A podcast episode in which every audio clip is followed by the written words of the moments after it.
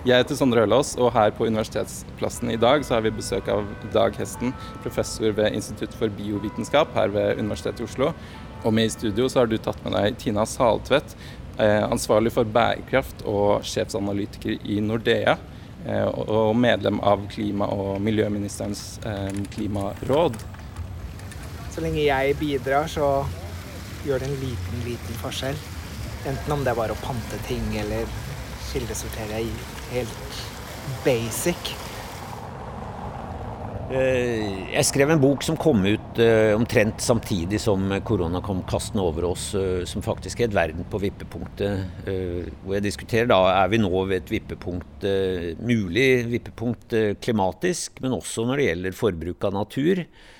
og hva eventuelt kreves for at vi skal unngå disse farlige vippepunktene. Og Så kom jo korona, da, og det er klart korona kan jo Eh, kan jo i, seg selv representere et sånt uh, vippepunkt. fordi uh, ja, For det første så så vi jo plutselig at nå, nå, synker CO2-utslippene. Folk begynte å tenke annerledes om en del ting. Vi sluttet å fly. Selvfølgelig alt dette skjedde på måter som vi vi i og for seg ikke ønsket. Altså, det er jo ikke sånn vi ønsker at det grønne skiftet skal foregå, men det viste i hvert fall mulighetene. Og, og jeg tror også det, det ga en type refleksjon hos veldig mange. At det går an å leve et fullverdig liv uten å haste rundt på å ta et tidlig morgenfly til Bergen og, og et sent fly hjem og komme utslitt uh, tilbake på jobb. Men at det kan være en sånn vinn-vinn-situasjon. At, at, vi kan takle det ved å ha bare webmøter istedenfor f.eks.?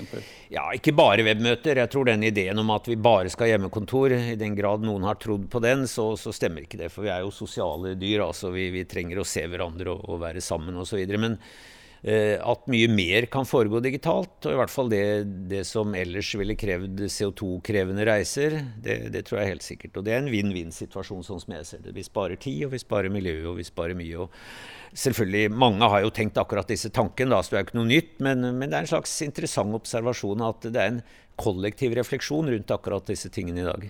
Men har det skjedd noe da de siste par månedene siden koronaen kom? Har, har det fått en konsekvens for, for, miljøet og for naturen og for verden? Ja, du kan jo utdype eh, akkurat CO2-trendene. Men eh, ja, det som har skjedd med hver og en av oss, er jo at eh, vi ser at det går an å møtes digitalt. Vi har utforska nærnaturen. Vi har tatt tilbake litt det rolige hverdagslivet som har gått tapt. Og vi ser jo at CO2-utslippene har falt Eh, kanskje ikke så mye som jeg hadde trodd, men, men en god del. Stemmer ikke det? Jo. jo, det har jo det. Og det er jo særlig det at vi reiser mindre. Jeg har en veldig stor påvirkning på akkurat det. Eh, jeg tenker at vi har fått et litt sånn spark bak. Fordi at når vi nå ser, har sett bilder av hvordan situasjonen var før korona, med byer som er eh, Altså vi ser mye støv, og vi ser mye dårlig sikt, til man plutselig ser tre uker etterpå at man ser eh, det samme, samme byen, men med klar sikt. Man ser sola igjen. Det skjer mye. og de bygger jo på at vi har endret vaner. Og det betyr jo at innen her er veldig kort tid. Tre uker, fire uker, ikke sant. Det er ikke noe mer enn det. Men Eh, det, det, baserer seg jo på at vi faktisk med vår atferd kan gjøre noe. Og det er der jeg tenker, for sånn som du var inne på, så har vi jo snakka om dette lenge. At vi kan gjøre andre ting. Vi kan bruke mer eh, teknologi og ha altså, møter over eh, computeren istedenfor nødvendigvis fysisk å reise rundt. Men det, altså, vi har jo ikke tatt i bruk i like stor grad ennå. Nå blir vi tvunget til å gjøre det. Og så ser vi at det fungerer, mye av det fungerer veldig fint. Og det får en ekstra effekt også, som har vært veldig positiv, som kanskje vi ikke tenkte på? Nei, jeg tror akkurat det er dette mentale pushet. At ja, faktisk er det mulig. For det er jo et eller annet med at vi er fastlåst. Vi gjør det samme i dag som vi gjorde i går, fordi det er nå engang sånn det fungerer. og eh, vi henter inn opponenter fra USA for å være her to dager og gi en forelesning osv. Det kan være vel og bra av og til, men nå ser vi at dette faktisk lar seg ordne på på andre måter. Og så er det jo dette at vi, nå ser vi plutselig en annen, eh, en annen type luftkvalitet. Altså vi har vent oss til eh, at ting er nå sånn de er. Det er dette fenomenet som kalles 'shifting baselines'. Altså Man venner seg gradvis til en dårligere hverdag. Da, I dette tilfellet dårligere luft, mer forurensning osv. Uh, og det går så langsomt tross alt da, at vi ikke er oppmerksom på det før uh, vi en dag plutselig blir minnet på hvordan det faktisk var en gang, og hvordan det kan være. Og det gir nå en appetitt på mer av det, tror jeg. Men dette er jo tross alt kanskje de litt sånn småskala tingene, da. Eh, det lokale og det vi selv kan gjøre. Og Men selvfølgelig spørsmålet alle stiller seg, er jo eh, hvordan ser dette ut når verdensøkonomien virkelig skal fyres opp igjen? Altså hva er det man putter på peisen da? Og det blir jo veldig interessant sånn sett å se, for det er jo eh, altså jeg, jeg, tenker sånn at hvis koronakrisen eller denne innlokkingen av mennesker varer lenge, så er det jo større sjanse for at vi faktisk tillegger oss varige vaner enn eh, hvis det åpner opp veldig tidlig. For det er jo lettere å gå tilbake til noe. Eh, uansett så tror jeg ikke vi skal tilbake til noe. Jeg tror at dette har gitt oss et, et spark videre. Jeg tror ikke vi skal tilbake til før koronatiden, men jeg tror det blir endringer uansett. men hvor store det blir, om vi virkelig klarer å få f.eks. ned CO2-utslippene pga. det, det er jeg ikke sikker på om det varer lenge nok. Nei, for det er jo et poeng. Altså, De utslippene vi ser nå, de må, jo, må vi ha alle år framover. I hvert fall i flere tiår framover. Så det, det, holder jo ikke med den lille dippen vi har nå. Pluss at, eh, som vi kan komme tilbake til, dette dreier seg om mer enn enn klima. Og det vi ikke vet, er jo om ja, diskuteres dette seriøst i Kina, India, framvoksende økonomier, eller er dette litt sånn vesteuropeisk fenomen at vi tenker at yes, endelig skal vi over til det grønne samfunnet? Jeg vet helt ærlig ikke hva eh, miljøvern er. Sånn, eh, jeg kan liksom ikke utdype meg i det. Men jeg får med meg eh, det nødvendige for å på en måte gjøre den jobben jeg kan da. Jeg kan liksom, jeg kan det basice, men jeg, jeg kan ikke noe mer enn det. Og jeg, for jeg har ikke gjort noe for samfunnet annet enn at jeg tar ansvar liksom, for meg sjøl. Ja. Men det vi står overfor nå, at alle slutta seg inn og, og slutta å reise, det må vel ha må vel ha negative konsekvenser på, liksom, på verdensøkonomien som, som, som stort. Har det, har det, vært noe skikkelig det, Ligger vi skikkelig dårlig an sånn i verden? Altså Det er jo ingen tvil om at når vi lukker ned økonomiene på den måten som vi har gjort nå, så får det en konsekvens. Eh, fordi at eh, vi er jo vant til å ha en økonomisk vekst som drives mye av handel. Eh, og det er klart at eh, med den nedlukkingen så har jo den stoppet opp. Så der, eh, og det ser vi også her i Norge, hvordan vi putter mye penger nå inn for å øke den økonomiske aktiviteten for å få folk i arbeid igjen. Og det er klart at denne type nedstengninger, den ønsker vi jo ikke i fremtiden. Men det er jo hvordan vi da kan endre på måtene vi gjør ting på, som vi kan ta lærdom av den perioden vi har vært inne i, som vi har måttet sitte stille eller gjøre ting annerledes. Om vi kan ta med oss noe av den erfaringen til faktisk å endre på, på, vanene våre. Slik at vi kanskje ikke ødelegger så mye, eller flyr så mye, eller har så store utslipp. Eh, for det er jo veldig spennende. Ofte i krisetider. Eh, det trigger jo ikke sant, endringer. Eh, og det trigger frem nye løsninger. Og det er jo nettopp de løsningene som, som kan være viktig å ta med seg fremover også. At vi ikke prøver å gå tilbake til det utgangspunktet vi hadde. Jeg tror på mange måter tiden er mentalt moden og på en helt annen måte enn det har vært tidligere. Altså jeg husker Under finanskrisen i 2008 så ble det jo sagt det samme. at dette er en gyllen mulighet til å endelig komme over på det berømte skiftet. Altså et annet spor, eller kursendringen, som det var snakket om siden Brundtland-kommisjonens rapport i 87.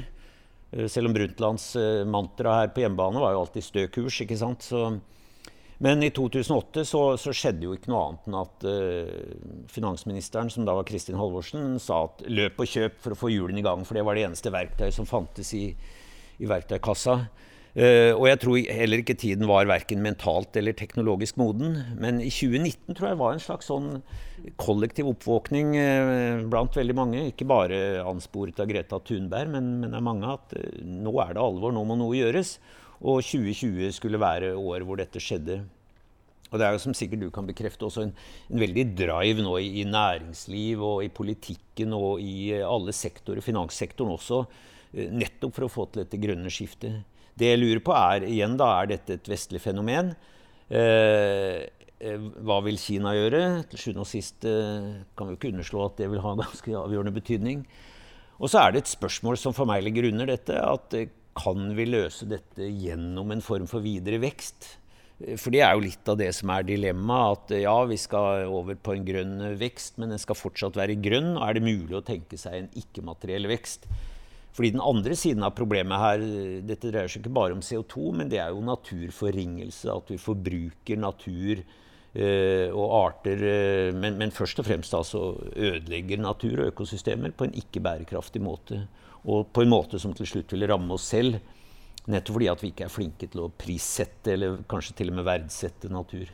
Og det syns jeg er ganske interessant, for i min sektor så har vi jo jobbet Der skjer det jo veldig, veldig fort i finanssektoren nå. Og et spørsmål som jeg har fått uh, mye i det siste, det er litt altså Mister man nå dette, altså dette trykket man har hatt på dette med bærekraft og klima? Og, uh, og så syns jeg det var litt interessant å se også at uh, når man ser på Selvfølgelig, altså når man stopper opp den økonomiske aktiviteten, så bruker man jo mindre energi. men både i India og til og med i USA så ser man at den, den energien som det faktisk har kutta mest på, det er den fossile. Og det skulle man kanskje ikke tro.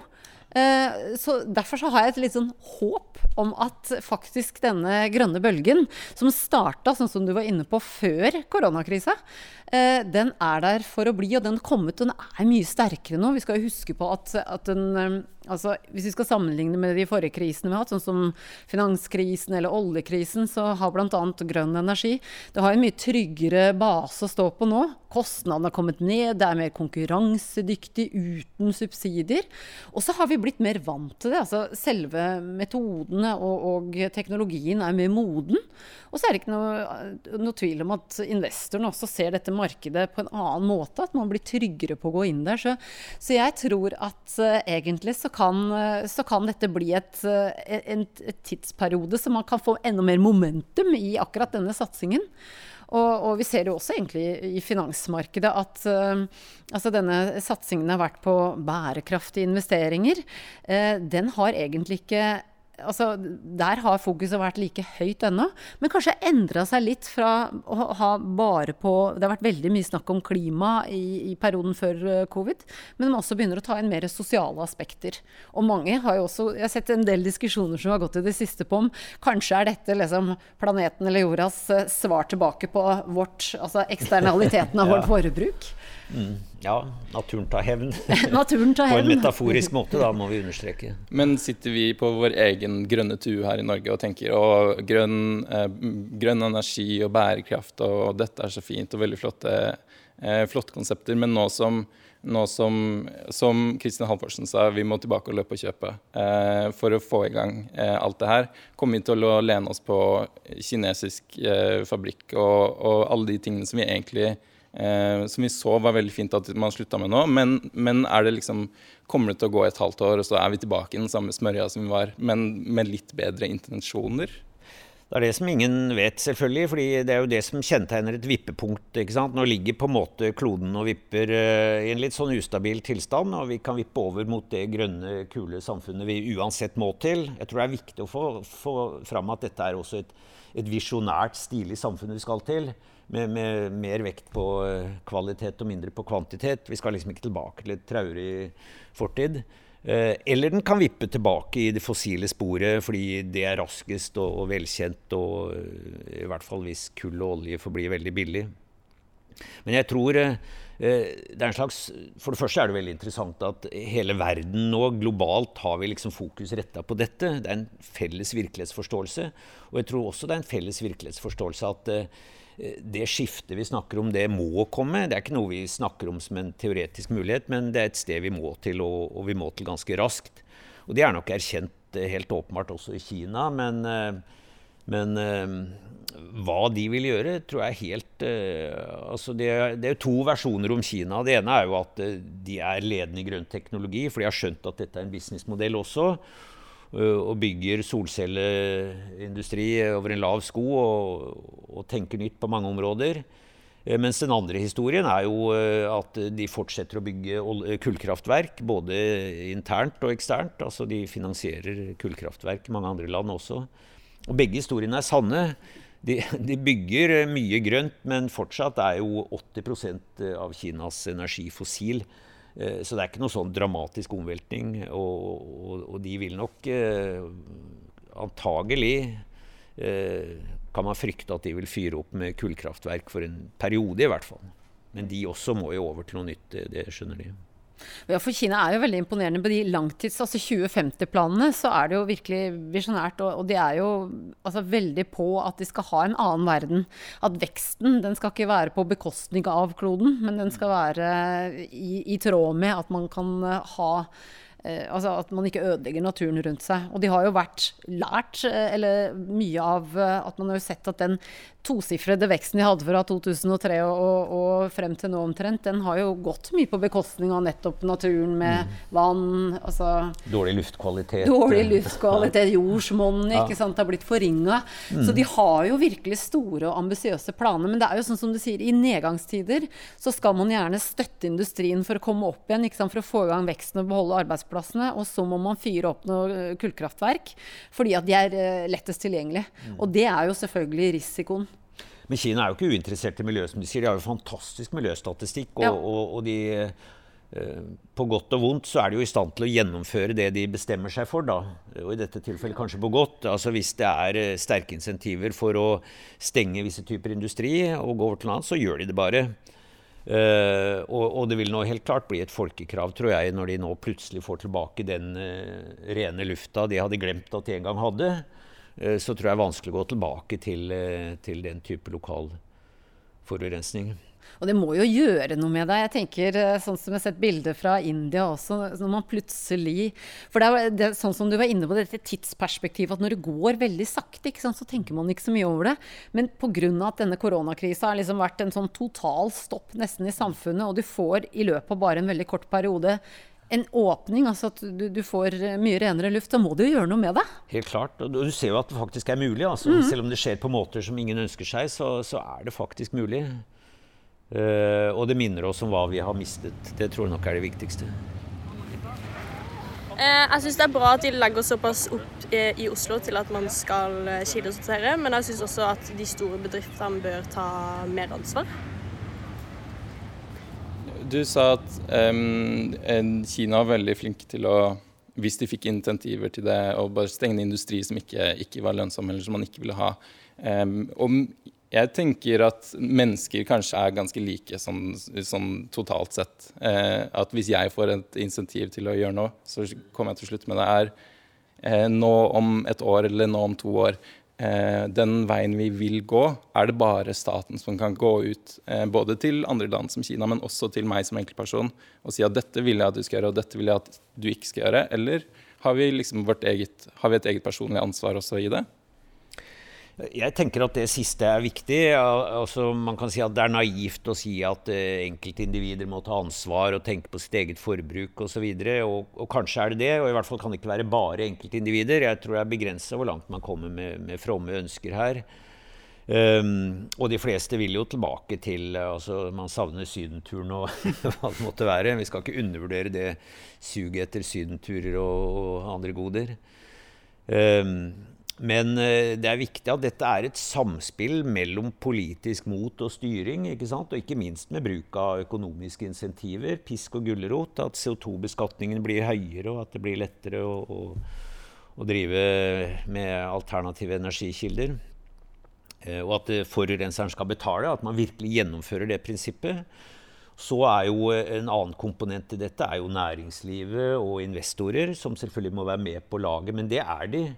Og de gjør jo det som markedet etterspør, og markedet er jo oss. Så tenker, jeg tenker at både gjennom et demokratisk system, hvilke politikere vi velger, eh, hva slags produkter vi velger og ikke velger, for vi må forbruke mindre, det mener jeg oppriktig, og, og gjennom vårt, e, vår egen atferd eh, så vi, spiller vi som individer en viktig rolle. Og jeg har alltid ment at det å ha ansvar som individ, det er en god ting. altså. Det er ofte en sånn politisk frykt for å gi folk dårlig samvittighet eller legge byrdene på folk. Men et lite element av det tror jeg bare kan virke uh, motiverende. Og, og, kanskje nettopp i disse dager, altså, som du sier, så har vi fått, uh, fått dette blikket inn i en annen mulighet som vi tidligere kanskje har tenkt var, var helt umulig. Men jeg tenker det er også at denne hvalen som det har blitt snakket mye om, men det viser bare litt hvordan folk akkurat når de ikke sant, får det altså får det litt den skyldfølelsen Jeg mener ikke at folk skal ha skyldfølelse, men når du får ansvaret. Altså denne hvalen som fløy til land på Vestlandet, som man åpnet den hadde masse plast. Den, altså, den samla kampanjen det blei for å slutte med plast. Og den ble jo verden Altså den gikk jo over hele verden. Eh, ikke sant? Det gjør noe med oss når vi selv Vi fikk jo en skyldfølelse. Vi skjønte jo at dette var jo vårt eget forbruk. Det var var vi som hadde skyld i at, eh, at eh, denne hvalen, eller dyr i sin helhet, eh, nå rammes. Og det er klart at vi ser også med vårt forbruk vi som personer, enkeltpersoner, kan gjøre noe. Og det gjorde jo at eh, plutselig ble plastsugerør uh, feil, ikke sant. Du tar med deg din egen, uh, altså egen væske i butikken. Du, du kjøper ikke li like mye plastpose lenger. Og dette her har jo også presset frem at bedrifter har ikke sant, måttet lage nye måter å pakke inn varene på. Så, så, vi som enkeltpersoner altså Man føler kanskje ikke at man har så mye å si en person alene. Nå har vel Greta Thunberg motvillig vist akkurat det, men, men når det blir mange av oss som gjør det, og begynner å sette krav, begynner å stille spørsmål med en del ting vi bare har godtatt, så begynner eh, bedrifter å endre seg. Og dette her ser, altså Jeg jobber jo i finanssektoren, og vi har jo da begynt eh, med dette å sette en prøve, da. Å sette en pris på nettopp disse ødeleggelsene. For vi ser jo det at eh, naturødeleggelser, klimaendringer, naturendringer begynner å få en kostnad, rett og slett. Den kostnaden eh, og risikoen som er knytta til disse endringene, den har ikke vi tatt hensyn til før. Eh, og da ser vi jo at eh, pengene går feil vei. Vi har puttet altfor mye penger i ting som faktisk ødelegger, kanskje, mer enn det skaper på lang sikt nytte. Og det prøver vi å gjøre noe med. Så vi prøver nå å sette en pris på de ødeleggelsene, rett og slett for å at, at, pengene skal gå, eller kapitalen skal flyte i den retningen som faktisk gir også en positiv avkastning for miljøet, sosiale livet rundt oss. Ikke bare eh, finansielt. Ja, nei, Det er aldri dumt å spille på lag med markedet, for da får man jo en ganske betydelig ekstra drahjelp. Eh, forsikringsbransjen skjønte jo dette tidlig. ikke sant? De så de åpenbare kostnadene ved dette, og var den første næringen som tok det seriøst. Men, eh, men mange kommer etter. Så det er som du sier, en ny måte å tenke på. At naturen ikke bare er et sånt gratisgode som er kjekt å ha, men ikke representerer noen reell verdi den tankegangen er også i ferd med å, å forlates. Og, og, særlig når man tenker dette på lang sikt. At ødeleggelsen av natur eller klima kan ha en stor gevinst her og nå. Mens å la det være intakt og levere sine økosystemtjenester gratis i overskuelig framtid har en mye større verdi hvis man klarer å ha tidshorisonten.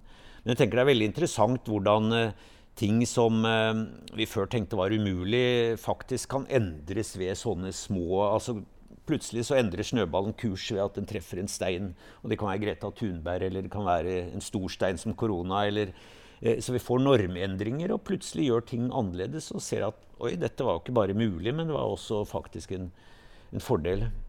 Akkurat der føler jeg vi er i et lite vippepunkt jeg, i finanssektoren nå. fordi at det ser bare Altså det går enormt fort, men akkurat det der begynner, Når vi nå begynner å liksom sette skal prøve å i hvert fall kvantifisere og se, liksom prøve å studere nøyere hvilke effekter og hvordan vi påvirker med de beslutningene vi tar. Da. Hvordan det påvirker noe mer enn bare det rent finansielle, men også de sosiale aspektene og de klima- og miljømessige aspektene.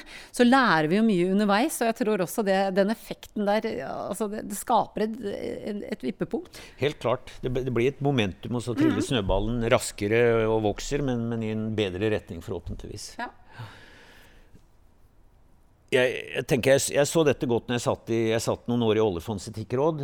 Og de skal alltid kvittere ut hva gjør de for miljø og sånt. Og da, De første årene jeg satt der, så var det litt sånn halvhjerta. Ja, vi er også opptatt av miljø, men du skjønte at dette var de egentlig ikke. Dette mente ikke var bare sånn makiavellisk tale for å kvittere ut det i årsmeldingen til at det virkelig var en sånn genuin drive, som du sier. Altså at Det var ikke bare det at de så at det var en forretningsmulighet, men, men de ønska ikke å, å, være en negativ del av samfunnsutviklingen. Og de ønska at eh, bedriften skulle bidra til noe bedre her i verden. Så øh, ja, han er i ferd med å bli kanskje altfor optimistiske, men, men Eh, for det er jo mange hindre på veien, altså, men at det er noen sånne vippepunkter som vi nå er i ferd med å se, og, og kanskje med denne covid-19-situasjonen som et slags ultimat vippepunkt, det, det, det, må vi ha lov til å håpe. Hvordan kan jeg som forbruker liksom be om eh, å si at dette er viktig for meg, og, og tenke at dette er et sted jeg har lyst til å gå da? Er, er det noen måte jeg kan kommunisere det, bortsett fra å kjøpe ting som, som sier at de er fornuftige, liksom, sier at de er bærekraftige, eller jeg tror det er veldig mange måter man kan gjøre det på. Man kan jo være, gå ut og være aktivist uh, hvis man vil det, men, men, først og fremst gjennom egen atferd. Altså hva man gjør og ikke gjør, og hvem man stemmer på og ikke stemmer på osv. Og, og, og tenke bevisst om, uh, om hvilke varer og produkter man, man kjøper. For det, det, som vi aldri skal glemme, det er at summen av verdens utslipp, det er egentlig summen av enkeltindividers forbruk.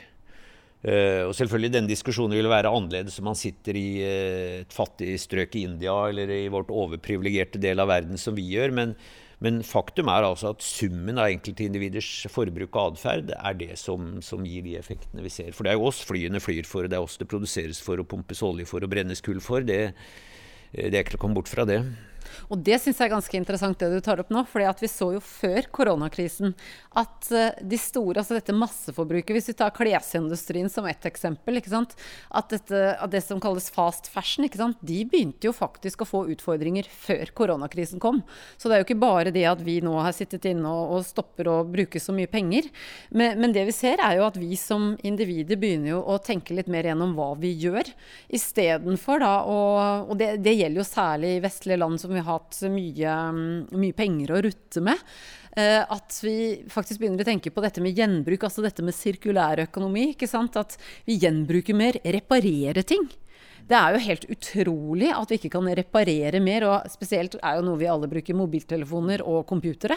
At vi skal være nødt til å kjøpe en ny computer når, når, teknologien begynner å bli litt for gammel. At du ikke bare kan skifte det ut. Det er jo ingenting i veien med tastaturet nødvendigvis, eller skjermen, men alt skal byttes ut. Ja, det er en absurd Altså hele denne tredemøllekappløpet av varer og tjenester som vi er en del av, og som drives fram, dels av oss selv, men dels selvfølgelig av, av smarte leverandører som kommer med nye løsninger og ny programvare som krever en ny, uh, ny uh, telefon, f.eks. Senest i går var jeg innom fordi jeg begynner å få på min relativt gamle iPhone begynner jeg å få litt sånn ladeproblemer. Det var selvfølgelig ikke noe å gjøre noe med. Eh, det var bare å kjøpe nye telefoner. Og dessuten, sa han, så, så vil uansett denne ikke kunne ta programvareoppdatering på f.eks. VIPS. Og hvem kan vel klare seg uten VIPS i dag? Nei, du kan jo ikke det. Nei, kan jo ikke det. Så, så var bare å kjøpe en ny telefon, selv om den eh, jo utmerket fungerer. Altså. Og jeg er jo innstilt, nettopp fordi jeg er litt bevisst på dette, at en, en ny mobiltelefon beslaglegger jo veldig mange ressurser. Uh, særlig den kumulative summen av alle telefoner ikke sant? av sjeldne jordmetaller og, og, og ting som ikke så enkelt, enkelt lar seg uh, resirkulere. Så så vi bør jo virkelig ikke bytte ut eh, mobilen før den virkelig streiker. Men, eh, men her må jeg gjøre det fordi det er en bagatell med, med ladinga som ikke funker. Og ikke sant, og hvor irriterende er ikke det? Hvor mange ladere har man ikke liggende i skapet? Fordi de driver og bytter, ikke sant. Den der om det skal være rund inngang eller om det skal være flat inngang. ikke sant? Ja. Det er derfor masse ekstrasalget som man hele tiden får også. Så jeg, eh, jeg tenker at det her er altså Og det er litt spennende med den nye Green Deal som kom fra EU nå før jul. For der begynner jo særlig dette med sirkulær sirkulærøkonomien eh, som, som, kommer oppi dette, at man kan faktisk begynne å stille krav til at jeg vil ha min mobiltelefon reparert. For da går det jo på deg som produsent. altså Man dytter mer ansvaret på, på produsenten, og så sier de at ja, men du, du, må faktisk levere et produkt som lettere kan la seg reparere. Jeg tenker mine foreldre. Da. De har jo en, har en fryseboks som er eldre enn meg. Eh, min fryseboks den vil aldri holde så lenge. Eh, så det der at vi kan som forbrukere også begynne å sette krav, som det du spurte om, nettopp å få reparerte og oppgraderte uten at det er nødt til å skifte ut alt. For det, er det, er jo der på en måte næringslivet har bidratt på en dårlig måte. Eh, ved at Før lagde man ting for, eh, om ikke evigheten, så i hvert fall for at det skulle vare. Eh, og det var liksom et kvalitetskriterium. Men, men så er forventningen blir at ja, men neste år er jo dette umoderne likevel. Altså, hvem vil ha teakmøbler i år? Så det er ikke noe vits å lage de som, for å vare noen år. Fordi du, det kommer nye designer og nye moter osv. Så, videre. så det gjør jo at hele turtallet er giret opp. Og, og, og når da eh, effekten av dette blir at vi kaster de gamle produktene, så er det klart at det er, eh, det er, en trend som er helt uholdbar. Men det har vært en god forretningsmodell. Det er jo det som er problemet. Så hvis man kunne få en forretningsmodell som snudde denne trenden Det er nok ikke like lett, men får man til det, og det, og det krever jo bevissthet fra hver og en av oss, eh, så er det klart at eh, næringslivet gjør jo det som, som forbrukerne etterspør, og det som lønner seg. Så, så de vil snu på en femøre hvis, hvis det kreves. Jeg synes på ingen måte vi gjør nok, verken som enkeltpersoner eller eh, på et nasjonalt nivå. Og som dessverre krever at alle bidrar for å kunne løse det. Det gjelder både at vanlige mennesker som må kildesortere hjemme, og det gjelder bransjer som må ta seg kraftig sammen. Og vi trenger en regjering som ønsker å sette klima og nødvendige tiltak på dagsorden. Hvis dere skulle gitt, og nå ikke bare liksom konkret denne forbruker-næringslivsforholdet eh, som vi nettopp eh, kommer ut av nå, men, men, generelt til hele livet vårt. Eh, hvis dere skulle gitt, eh, gitt, oss et råd da, eh, nå post korona, hva, hva, vi skal gjøre eh, og hvordan ting kommer til å bli, hva, hva, er dere positive til fremtiden? Dere, tenker, tror dere det kommer til å gå fint? Jeg er ikke sånn krampaktig positiv, for det syns jeg ikke man skal være hvis det ikke er veldig grunn for det. Jeg er som person en som alltid ser det halvfulle og ikke det halvtomme glasset. Men det er klart, vi, vi er allerede kommet så langt i dette løpet at helt bra vil ikke gå. Men, men, vi må unngå at det går helt dårlig, selv om verden vil bestå. Altså det, det er viktig. Men jeg, jeg, tror eh, det er to ting som jeg syns er verdt å merke seg. Altså Det ene er litt i tråd med det vi har snakket om. Jeg så en veggavis i Bergen som jeg syns oppsummerte mye av dette på en fabelaktig måte. Den den sa at den største trusselen mot planeten, det er troen på at det er noen andre som skal redde den. Ja, ikke sant? Det, ja. dette, det er jo allmenningens tragedie at noen andre må gjøre det, men akkurat jeg forbeholder meg retten til å, å, å, slippe å gjøre noe. Og det andre som jeg, Men det har jeg hatt som et slags sånn personlig motto lenge, men, men, det er vanskelig å etterleve. Det er jo dette som Arne Næss sa, det rike livet med enkle midler. Og det tror jeg mange har, har følt på den tiden her. ikke sant? Man har tatt med familien ut i rolige turer i skog og mark utforska nærnatur, gjort ting man før ikke gjorde. Og jeg tror ikke vi orker å holde på sånn som dette bestandig. Vi vil tilbake til jobb og det virkelige liv, men at, at vi kan ta med oss mer av dette.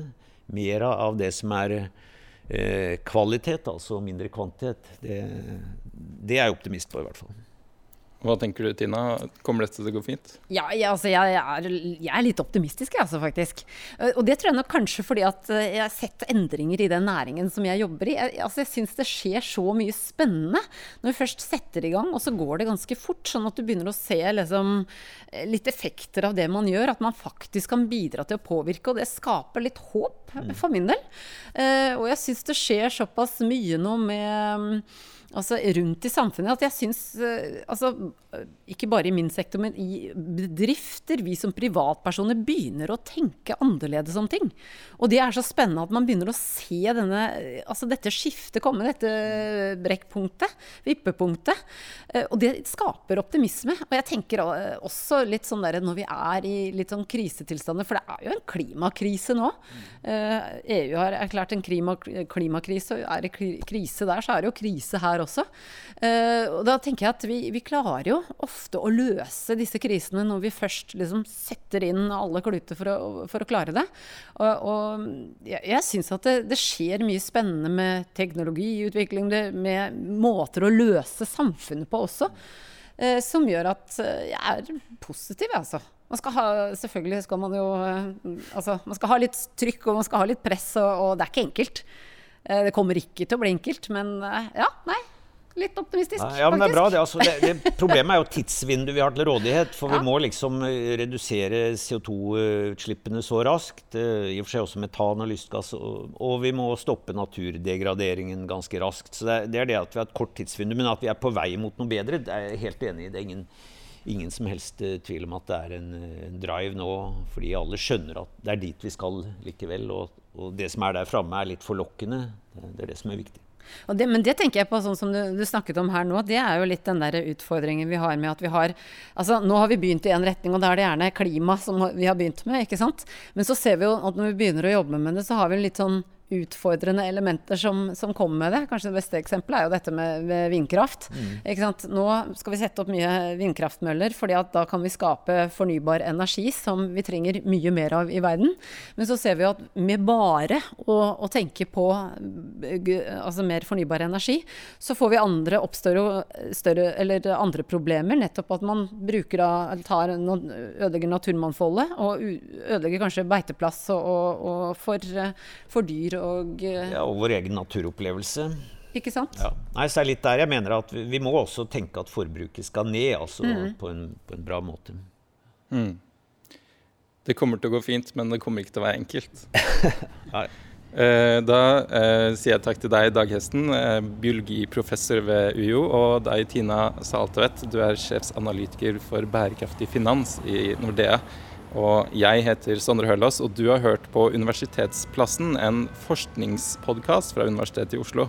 Og snart hører du en ny episode av Universitetsplassen i podkastappen din.